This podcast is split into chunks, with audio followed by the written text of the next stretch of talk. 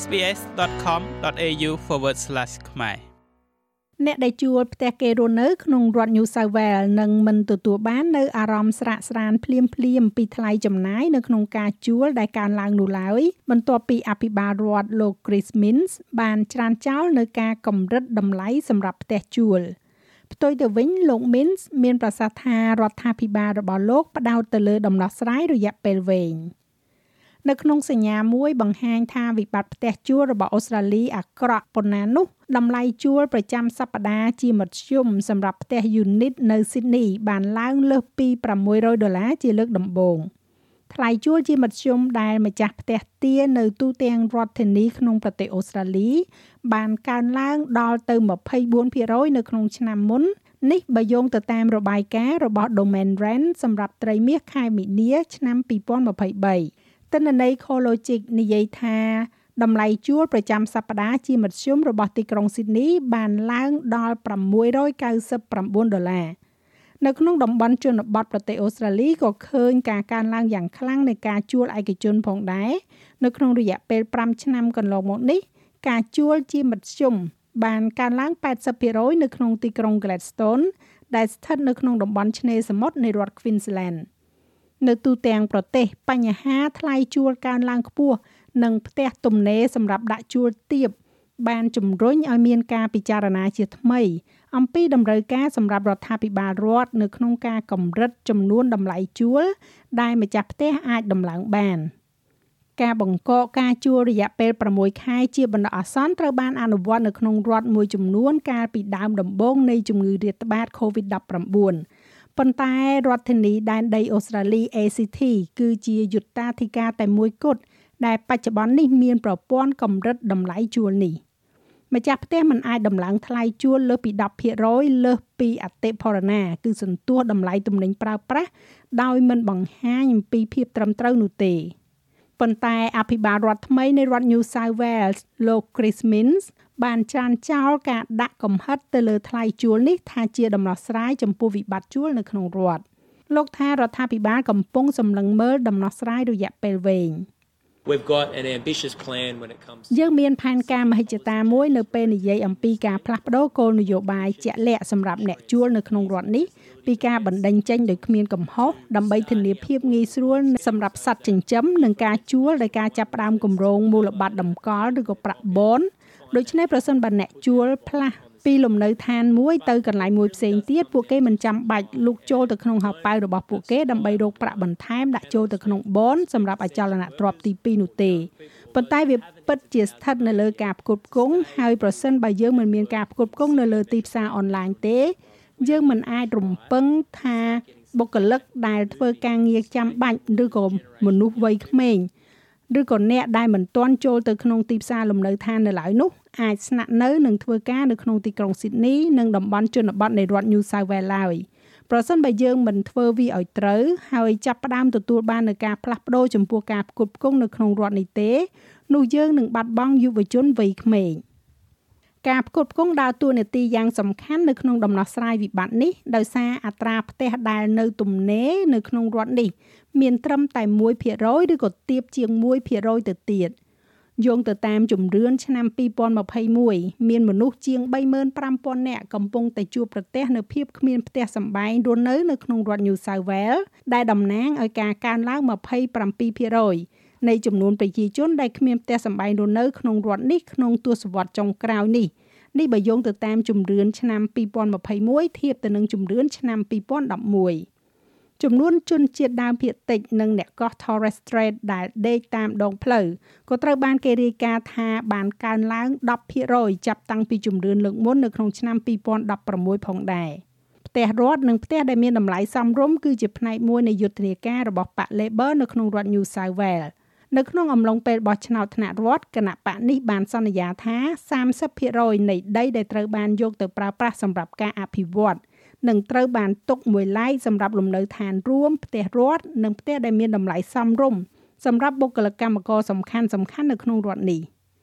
លោក Bins មានប្រសាសន៍ថាលោកយល់ពីសម្ពាធគ្រួសារដែលកំពុងតែប្រឈមមុខនៅក្នុងការស្វែងរកលំនៅឋានដែលមានតម្លៃសមរម្យ There's pressure on family budgets right across New South មានសម្ពាធទៅលើថវិកាគ្រួសារនៅទូទាំងរដ្ឋ New South Wales និងប្រទេសអូស្ត្រាលីហើយមានសម្ពាធទៅលើរដ្ឋាភិបាលផងដែរ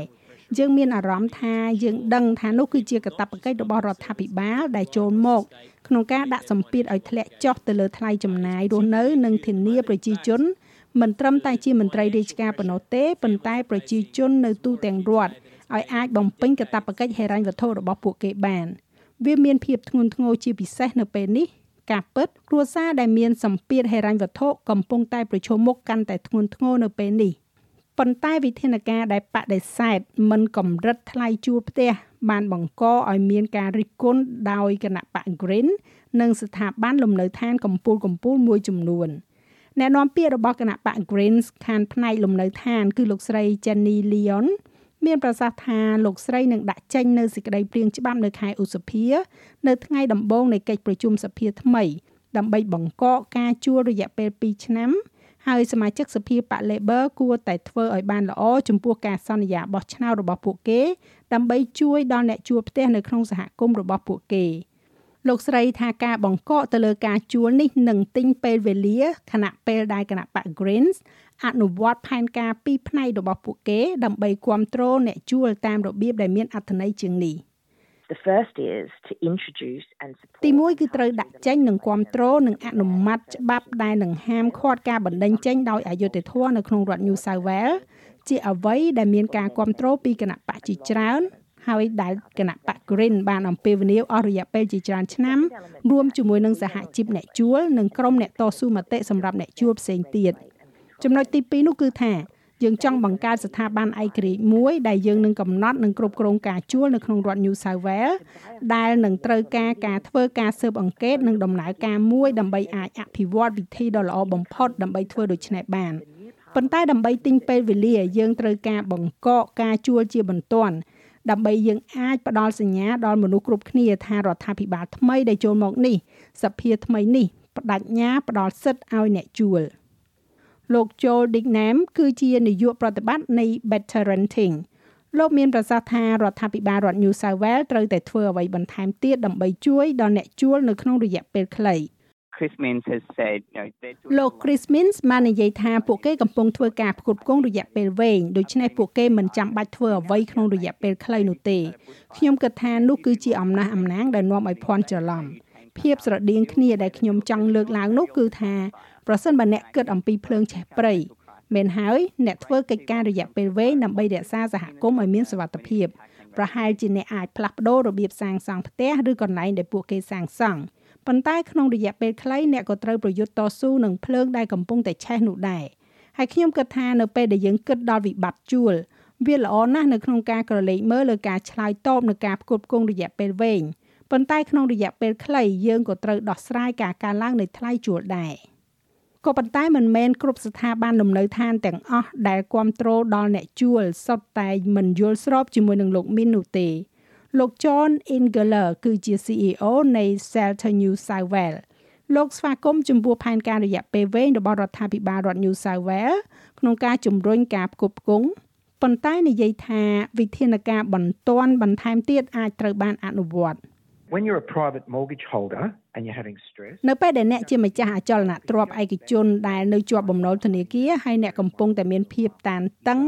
អ្នកមិនចាំបាច់បារម្ភទេព្រោះអ្នកអាចទៅធនាគាររបស់អ្នកហើយនិយាយថាតើខ្ញុំអាចឈប់សម្រាកការបង់ទៅលើប្រាក់កម្ចីទិញផ្ទះរបស់ខ្ញុំមួយរយៈសិនបានទេ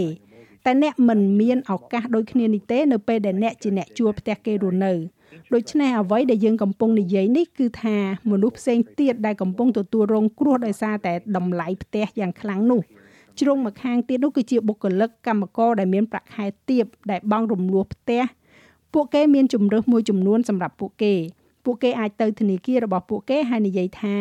អត្រាការប្រាក់បានកើនឡើងកម្ចីទិញផ្ទះរបស់ខ្ញុំមានតម្លៃថ្លៃតើខ្ញុំអាចមិនបង់មួយរយៈបានដែរឬទេប៉ុន្តែសម្រាប់អ្នកជួលផ្ទះគេរស់នៅវិញសូមមានសំណាងល្អនៅក្នុងការទៅចរចាសុំមិនបង់ថ្លៃឈ្នួលផ្ទះមួយរយៈពីម្ចាស់ផ្ទះ ចាស់ហើយរបាយការណ៍នេះចងក្រងឡើងដោយ Sierra Han សម្រាប់ SPS News និងប្រាយសម្រួលសម្រាប់ការផ្សាយរបស់ SPS ខ្មែរដោយ នាងខ្ញុំហៃសុផារ៉ានីចុច like share comment និង follow SPS ខ្មែរនៅលើ Facebook